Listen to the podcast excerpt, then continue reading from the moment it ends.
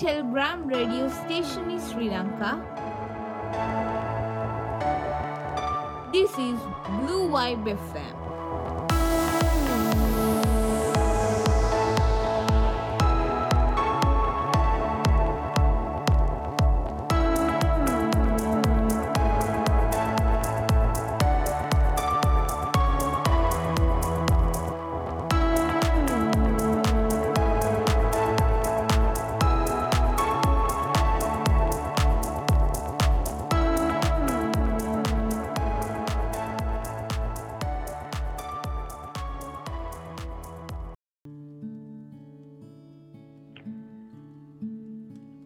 Blue Vibe FM අපි පන්හිද අභියස රිද්මය තුළින් පුංචි වෙලාවක් වෙන් කළේ අර්ථ සහිත ගීත විඳින්න.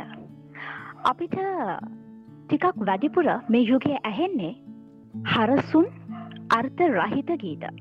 ඒ නිසාමදු මන්දා අපිත් වැඩිපුර සමහර වෙලාවට ඒවගේ ගීත අහන්න යොමු වෙනවා. එනිසයි අපි පුංචි උත්සාහයක් දරන්නේ එක් පුද්ගලයෙක් තුළ හෝ යම් පුංචි පෙළඹවීමක් ඇති කරන්න වටිනා නිර්මාණ රසවිඳින්න. ඉතින් අදත් මම තවත් අර්ථ සහිත ගීත කිහිපයක් තෝරගතා පන්හිද අභියස රිද්මය තුළින් ඔබට රසවිඳින්න දෙන්න. වඩත් සංකීර්ණ අදහසක් ගැන සංකීර්ණ විචාරයක් ගැන ඔබ නොසිතුවත් ඔබ එගීත අහන්න පෙළඹෙනවනම් අපේ උත්සාහය යම් කිසි මට්ටමකට එතනදී සාර්ථක වෙනවා. අද දවසේ මගේ පළමු තෝරා ගැනීම. සිංහල විරහ ගීතාවලේ අමරණීය සිහිවටනයක්. මේ ගීතයේ පදරචනය බණ්ඩාරකේ විජතුංග මහතා. හඩමුසු කරන්නේ සංගීත් නිපුන් සනත් නන්ද සිරි මහතා. මේ ගීතය නව ප්‍රහර්ෂයක් නව අත්දැකීමක් ගැබ් වූ ගීතයක්. ආදරයේ විරහව ඉතා දැඩ්ඩිව දැනෙන පදමාලාවක්. මේ පදරචකයා ගීතය තුළින් කියන්නට උත්සාහ කළේ. තමා ඉතා තදින් ඇලුම් කරන පෙම්වතිය ගතින් ඇත්වන්නට ඇත්වන්නට. ඇය පිළිබඳව මතකය තව තවත් අලුත්වෙමින් වඩ වඩාත් තමන්ට ලංවීම. බොහෝ රසික හදවත්වලට මේ තත්ත්වය සමීපයි. මේ ගීතේ බස සරලයි සුගමයි. ගලා යන බසක් ගීතය පුරාම අපිට දකින්න ලැබෙනවා. මේ කතා නායකයාට රලපෙළ හඬන හඬ ඇසෙන්නේ නැහැ. රැයෙහි තරුමල් කිනිති පේන්නේ නැහැ. ඔහුගේ දෙනෙත් අන්දයි. දෙසවන බිහිරී කියලා ඔහු කියනවා. ඇසෙන්නේ ඇගේ හඬ පමණයිලු. පෙනෙන්නේ ඇගේ රුව පමණයිලු. ඔහුට ඇගේ වෙන්වීම දරාගත නොහැකි. මේ ගීතය තුළ ප්‍රබල බව උද්දීපනය කරන්නේ හරි අපූරු රූපක භාවිතයක් මගින්. මතුපිට අර්ථය ඉක්මවාගිය යටි අරුතක් මතු කරන්න මේ පද රචකයා සෑම විචම උත්සාහ ගන්නවා. ඒ අපූරු ගීතය අපි දැන් රසවිඳිමු.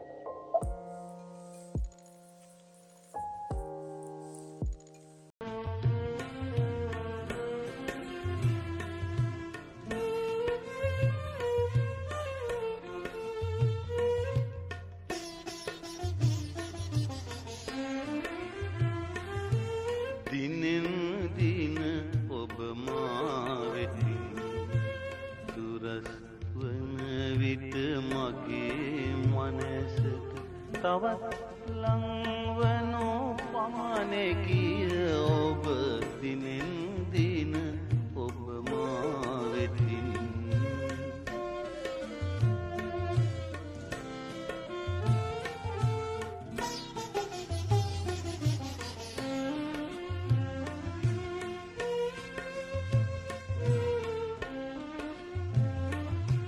රුදුරුරල පෙළ හඬක් නොනැගේ බිහිරිවී ඇත මගේ දෙසාවන රැයි තරුමල් කිනිති නොපෙනේ අන්දවී ඇත මගේ දෙනායන දිනෙන්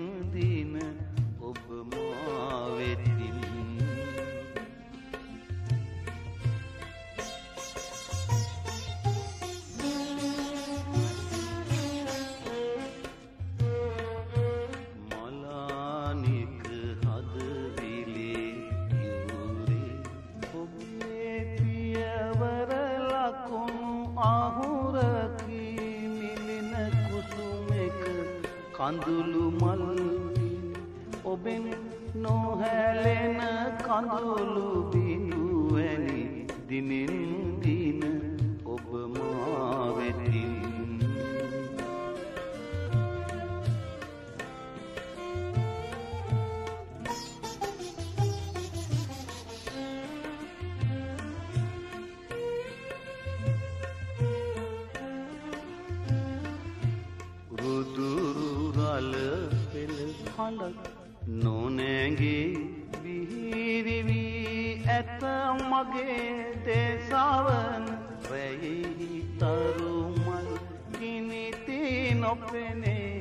අන්දවී ඇත මගේ දෙනායන දිනින් දින ඔබ මාවෙතින්.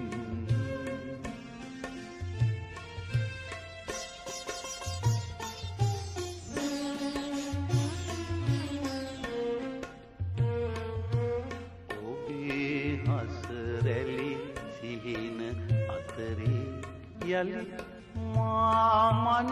මාමන පුබුදුවන්නට සතුටු සයුරෙන් නැගෙන සිරිකත්. විලසමාවෙත නැවත එනු මැන දිනෙන් දින ඔබ මාවෙතින්. තුරස් වන විට මගේ මනැස තවත් ලංවනු පමණකිය ඔබ දිනෙන් දින ඔබ මාවෙතින්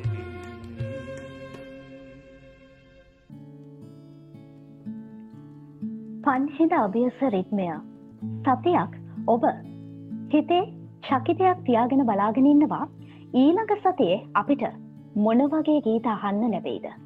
ඔබ ඒ බලාගෙන ඉන්න විදිහ දැක්කහම අපේ හිතට සතුටක් දැනෙනවා. මොකද අපේ උත්සාහයේ යම් සාර්ථකත්වයක් එතන තියෙන නිසා.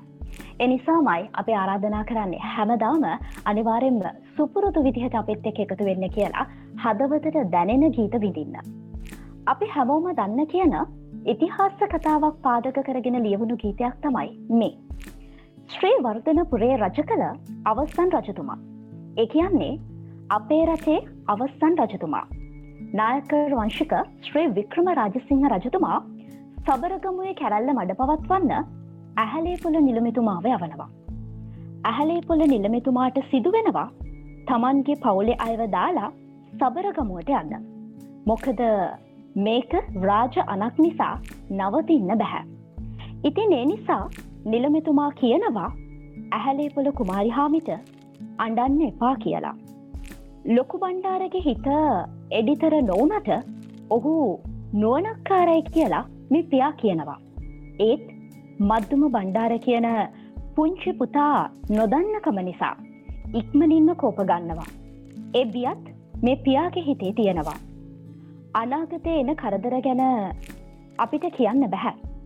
සිත යට දෙයක් තියෙනවා. නමුත් රාජ අන නොසලකා හරින්නත් බැහැ. ඒත් අනාගතයේ දවසක්කේවි අපේ කෙනෙක් රජ වෙන. මේ අපූරු ගීතයට හඬමුසු කරන්නේ කරුණාරත්න දියුල්ගෙනේ මහතා විසින්.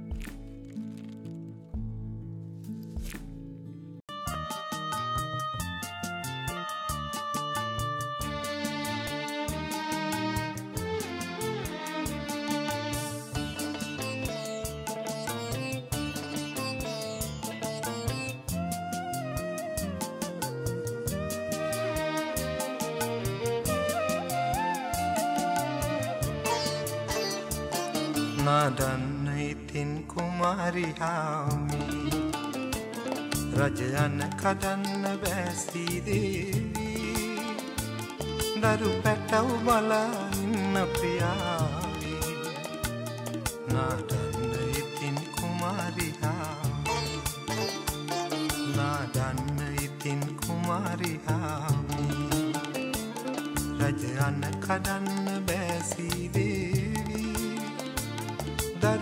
දරු පැටව් බලා ඉන්න ප්‍රියාවි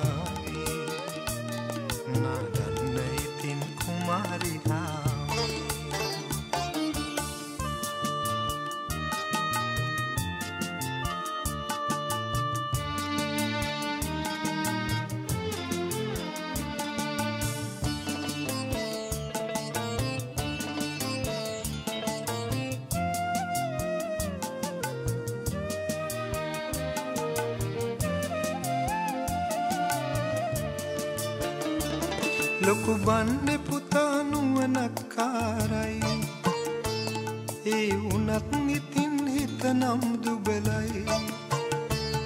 මත්තුමය තාම බොලඳකම් කරයි. නිතරම ඉක්මන් වෙන්නේ ඒ නිසයි. නාඩන්න ඉතින් කුමාරිහාමි රජයන කඩන්න බැසීදේවී දරු පැටව් බලා ඉන්න ප්‍රියාවී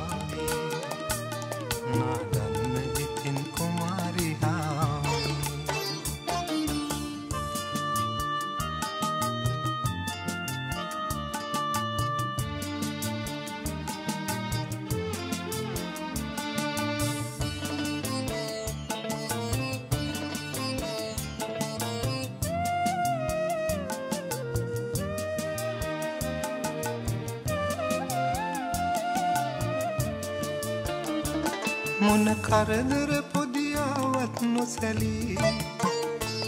පොඩි උන්ට උගන්නන්න මැලි නොවී. අද කාලි නපුරුවත් දේවී. අකුරක් රජවෙන දවසක් යලීවී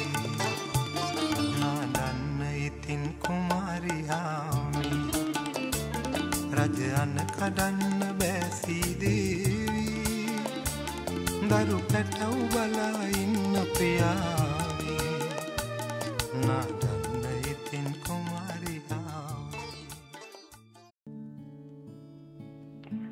පන්හිද අභියස්ස රිද්මය අපි වහගනින්න ඔබට තවත් දෙයක් කියන්න ඕන.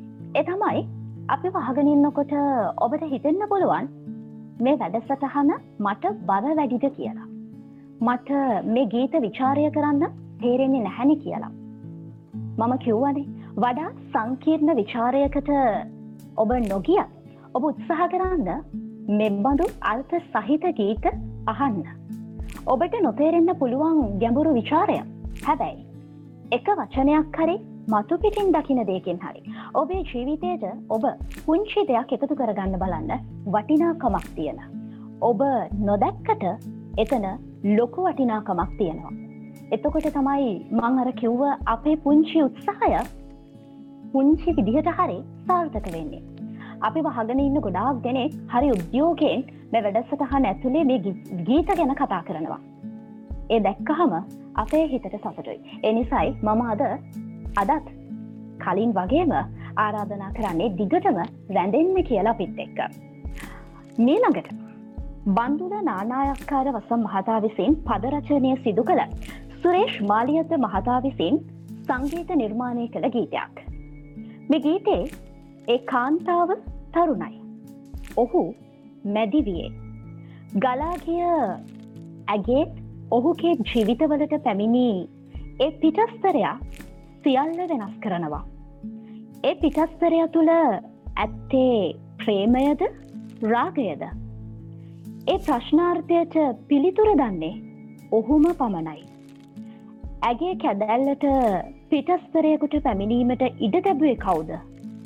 ඔහුමද මේ සියල්ල එකට කැටි වූ ගීතය විරාගරාගය. අතුරක් නැතිව හරසුන් ගීත ඇසෙන යුගයක ඔබ මේ සෑම ප්‍රශ්නයකටම පිළිතුරු සොයන්න මේ ගීතය තුළින්.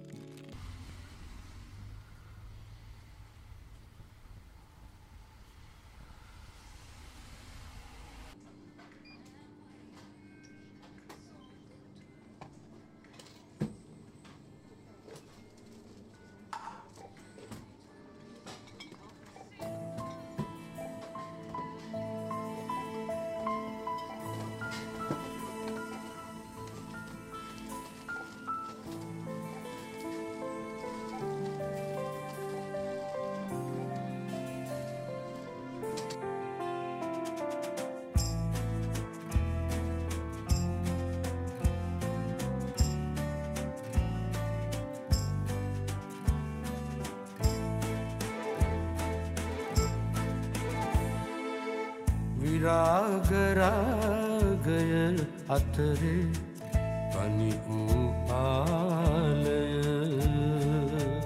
විරාමදෙයි එක් හදකට උදා පරාජය විරාග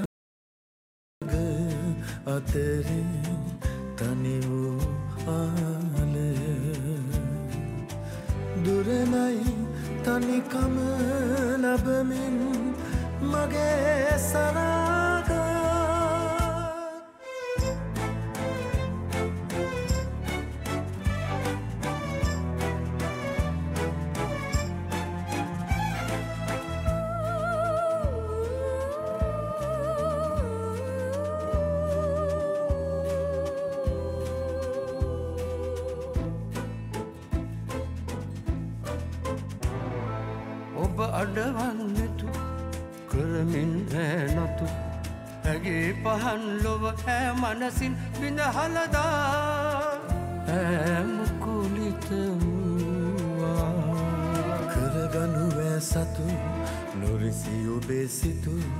ඇතින් ඔබෙ මුනිවර මනසින් පෙම් කලදා ඇ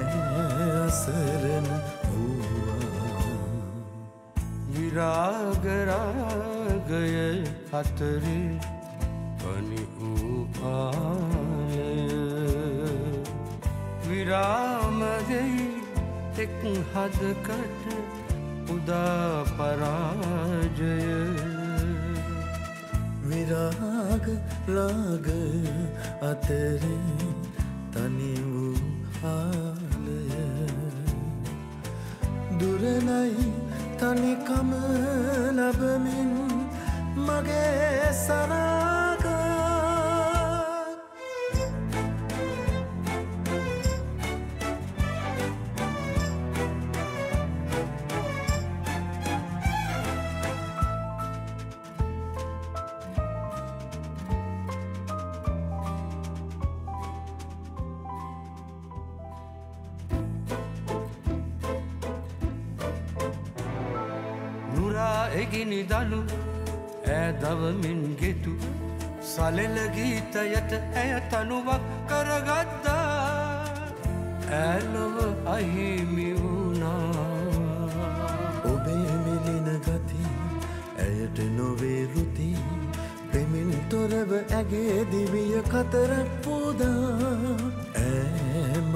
වෙතට ආවා.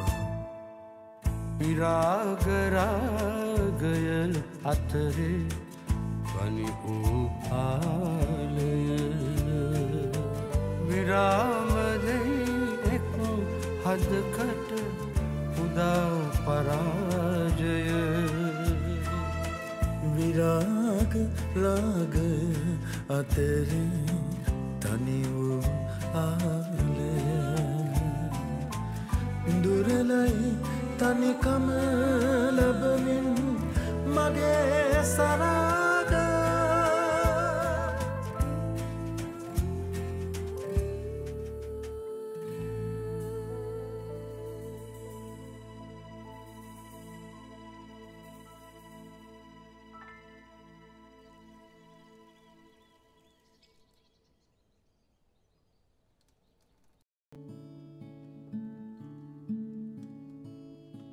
මීළඟ ගීතයක් මේ ලෝකේ ඕනම කෙනෙගේ හදවතට දැනෙන කතා කරන ගීතයක් බව විශ්වාසයි. ඉරේෂා හේමමාලි මහත්මිය විසින් පදරචනය සිදු කළ මේ කවිය හමාර බනවර කියන කවිපොතේ අන්තර්ගත කවියක්. වචනයෙන් විස්තර කළ නොහැකි තරම් ගැඹුරු අරුතක් සැඟවුණු. අපේ හදවතට මෙලෝකයේ වැඩිපුරම සමීප වචනයක් තමයි තාත්තා කියන්නේ. එලිපිට නොපෙන්වුවත් අසීමාන්තික ආදරයක් හිතේ හිරකරගෙන පවුල කියන කුටුම්බය ඇතුළේ සතුට රජකරවන්න දරුවන්ගේ ජීවිත ජයග්‍රහණය කරා අරන්යන්න පුදුමාකාර කැපකිරීම් කරන කෙනෙක් තමයි තාත්තා කියන්නේ. තමන්ට ගොඩාක් හුරු තමන් පවුල රකින්න හැමදාම තනිවම ගිය ආව පාරේ අද ගොඩාක් අය තාත්ත පසුපසෙනවා. මොකද මේ තාත්තා යන්නේ කවදාවත් නොගිය ගමනක් නිසා. ආය කවදාවත්ම නොයන ගමනක් නිසා. දරුවන්ට කවදාවත්ම බරක් නොදී අසේමිත දුක්ගැහැට විඳ හෝ තම වගකින් ඉටු කළ මෙ තාත්තා කවදාවත් දරුවන්ට දුක වේදනාව ලංවෙන්න ඉඩ දුන්නේ නැහැ. ඒ තාත්තට හිතනවා තමන් යන මේ අවසන් ගමනේ මේ විදිහට තමන්ව අරංජනයක පුතාට ලොකු බරක් අපහසුවක්ද කියලා. ඒ තාත්තා කියනවා හුඟක් බරනම් බිමින් තියපන් රිදෙනවා ඇති අත්නුබේ. මේ ගමන තාත්තට නොහුරුයි. මෙච්චර කාලයක් තමන්ගේ දරුවොත් එක්ක සතුටෙන් හිටපු. දරුවු වෙනුවෙන්ම දුකත් සතුටක් කරගෙන ජීවත් වුණු මේ තාත්තටත් මේ වෙන්වීම ලොකු දුකක්. හැබැයි තාත්තා දරුවන්ගේ හිත හදන්න දෝ මන්ද කියනවා. මගේ තනියට තවත් අය ඇති කියලා. ස්වබහ දහමට අවනත වෙලා මං හිත හදාගන්න බව තාත්තා කියනවා.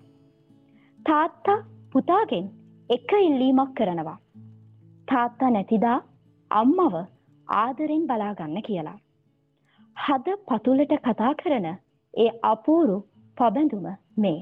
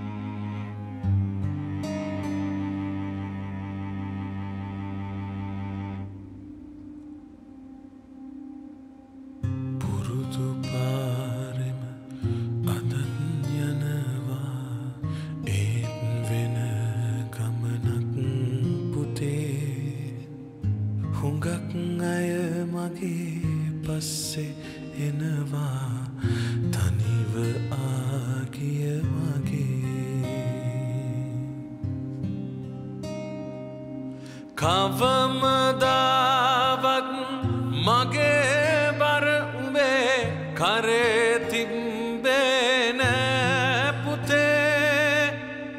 හුඟක් බරනං බිමින්තියපන් රිදෙනවා ඇතියත් නොබේ හුඟක් බරනං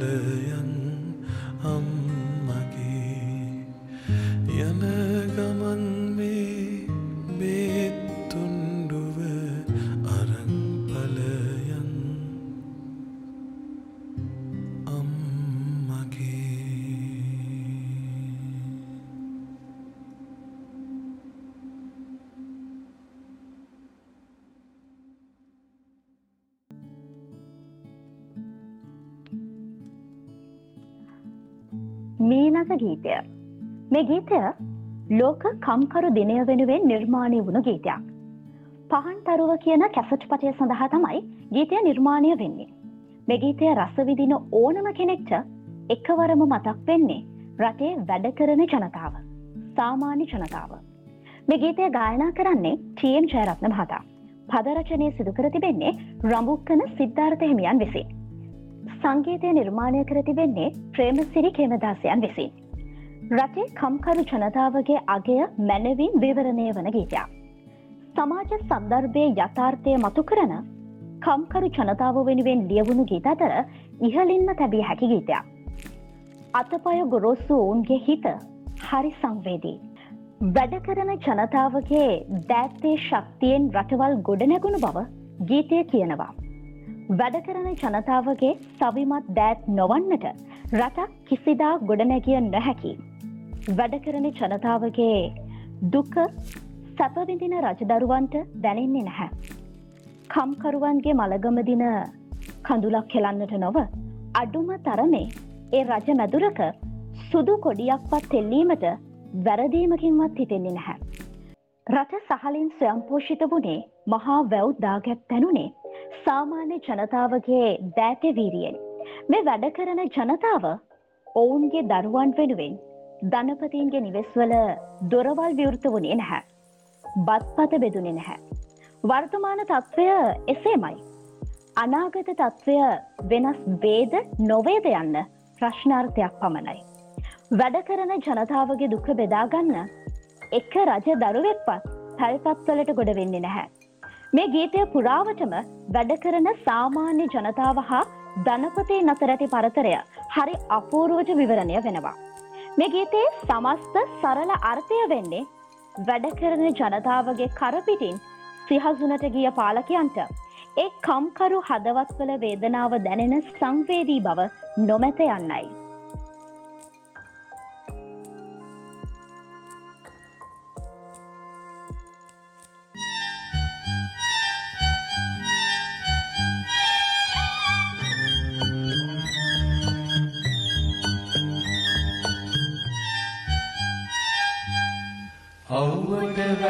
වැස්සට පුරුමිනිසුන්නේ නැතේ විරියෙන රටවල් නැගුණේ ඒ මිනිසුන්ගේ මළගම වෙනුවෙන් මොන රජ මැදුරේ සුදු කොඩි නැගුණේ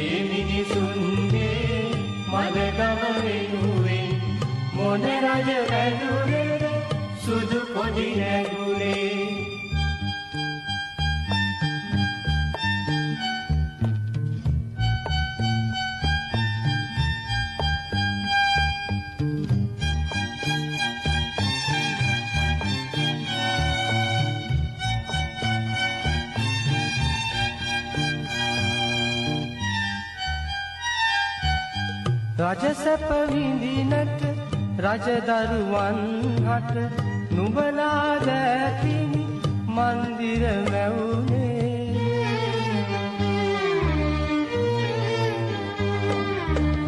ඒ නුබලාගේ දුක දැක ගන්නට මොන රජදරුවන් පැලකට වැඩියේ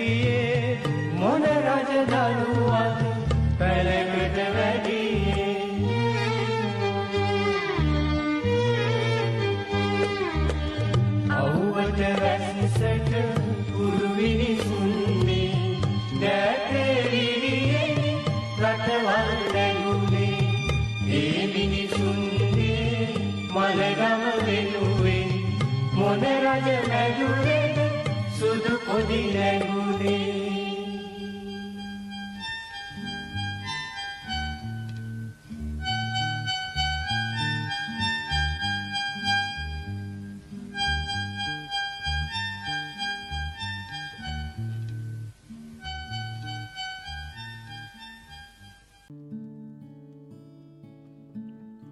ජීවිතයට වැඩිපුර ඇහෙන දේ වගේම ඔබට අඩුවෙන් ඇහෙන දේවල් ඔබ හඹා යන්න සොයා යන්න ඔබේ ජීවිතයට අලුත් දේවල් මුණගැසේවී.